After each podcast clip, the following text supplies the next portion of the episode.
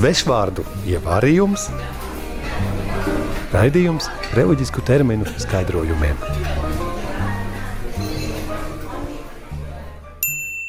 Šodienas burts ir Burts, b. Beatifikācija. No latīņu vārda beatifikātio - ieskaitīt svētīgo kārtā. Tātad beatifikācija. Mirušā kristieša publiskā kulta oficiāla apstiprināšana, atzīstot, ka persona jau ir pestīta, ir svētīga. Tāpēc var lūgt tās aizbildniecību pie dieva un jābūt spēkā vienam no trim svētā krēsla izvirzītajiem priekšnoteikumiem. Pirmais - kandidāta varonīgie tikumi un ar viņa starpniecību veikts brīnums. Otrais - mocekļa nāve, kas pētīšanā apstiprināta, nogalināšanas iemesls ir mocekļa ticība. Vai trešais - pastāvējis kults kopš neatminamiem laikiem. Un tagad neliela iedziļināšanās. Par beatifikāciju runām kā par tādu procesu, jo tas ir Vatikāna īstais process, kā tiesa ir tiesnesi, ir promotori, advokāti, ir arī prokurori. Kuri ieved kādas šaubas uz to procesu. Lai cilvēks, kuru baznīca pieņem par kristiešu likumu un ticību paraugu un kā aizbildnieci, lai būtu īsta persona. Nevis kāds mīts, kāda mitiska persona, bet vēsturiska un konkrēta persona, par kuru ir liecības, it kā par savu dzīvi, it kā par savu arī ietekmi uz baznīcu. Beatifikācija tā nav tikai pirmais kanonizācijas pakāpiens. Tas ir process, kurš runā arī par dzīvo baznīcu, kurā ir ticīgi kā paraugi, kā arī liecinieki.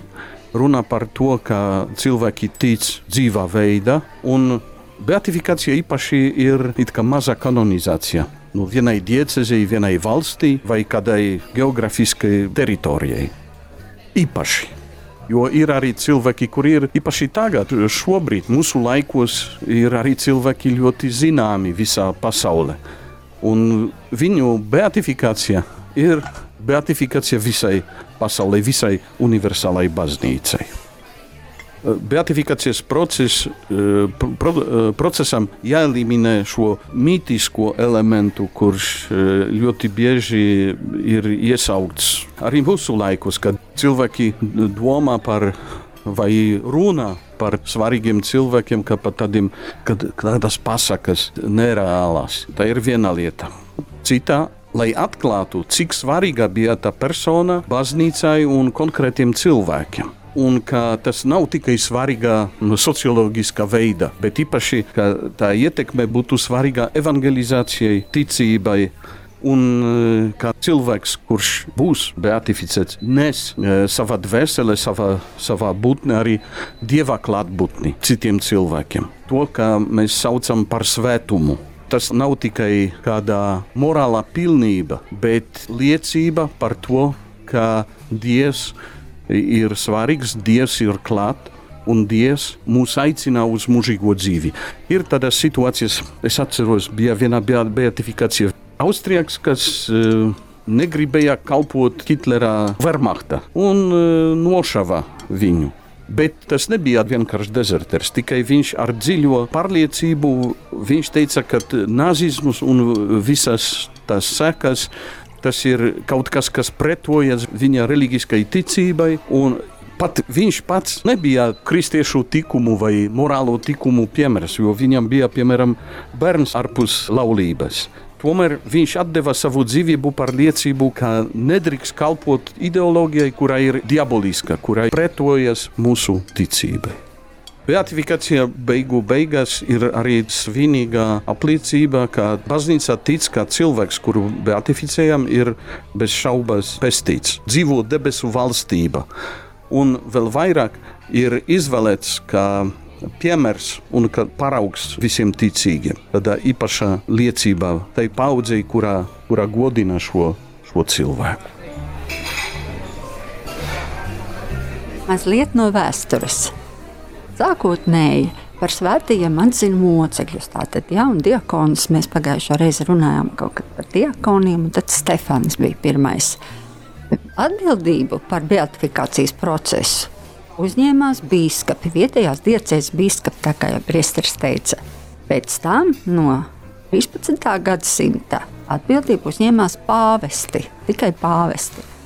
Un pēc tam jau bija svēto Ritu kongregācija no 16. un 17. gadsimta Svēto Ritu kongregācija, kas sāka beatifikācijas procesu. Kā jau priesteris teica, tad tur ir veseli pieci punkti šajā beatifikācijas procesā. Un pirmais ir dokumentu mapes iekārtošana. Postulātors ir tāda persona, kas vāc par šo personu visas ziņas, reālas ziņas, kā priesteris teica, nevis kaut kādus mītus vai, vai leģendas par šo personu, bet tiešām tādus biogrāfiskus faktus, kas apliecina viņa tikumu, varonību vai moceklību vai arī viņa nāvi, e, tad, kad viņš ir e, liecinājis Kristus ticības dēļ ir gājis bojā, lai liecinātu par šo ticību.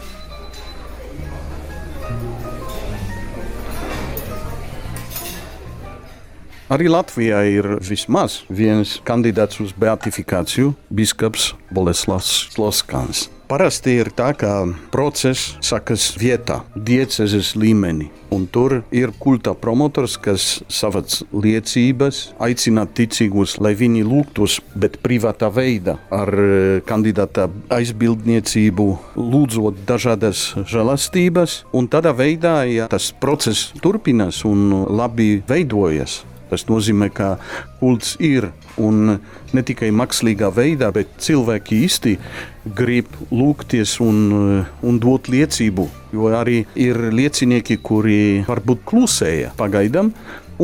Tagad ir gatavi kaut ko pateikt, kādā viņam bija pieredze satikties ar šo personu, un tādā veidā var to visu savākt un dot uz dikasteriju, kurā var pieņemt lēmumu ierakstīt kandidātu uz dieva kalpu e, ierakstu. Un tādā veidā var vēl vairāk strādāt vēsturiski, tehniski, lai savāktu visus faktus un pēc tam ierakstīt personu uz godināmu dieva kalpu. Varam redzēt, ka visas liecības ir ļoti nopietnas un var gaidīt brīnumu. Ja kandidāts nav moceklis, jo, ja ir moceklis, tad, tad nevajag brīnumu. Rezumējums. Īss izskanējušās informācijas apkopojums. Īsumā sakot, beatifikācija ir procesa kopums ceļā uz kādas personas kanonizāciju, atzīšanu par svēto. Tā ir gan, kā jau dzirdēts, dokumentu ievākšana, brīnumu pārbaude un fiksēšana, un, protams, arī kulta esamības fiksēšana. Kļūdains vārda pielietojums. Beate, panāc bišķiņ, tu jau skaitījies beatificēta vai vēl nē? Ko, tu man jau nav 18 gadu? Bet tev taču geogrāfijā bija 8. Svešvārdu ievārījums, raidījums reliģisku terminu skaidrojumiem.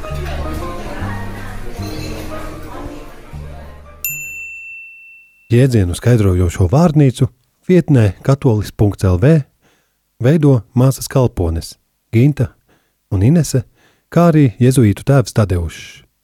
Savukārt radioversija top stingrā viestura vizuļa uzraudzībā.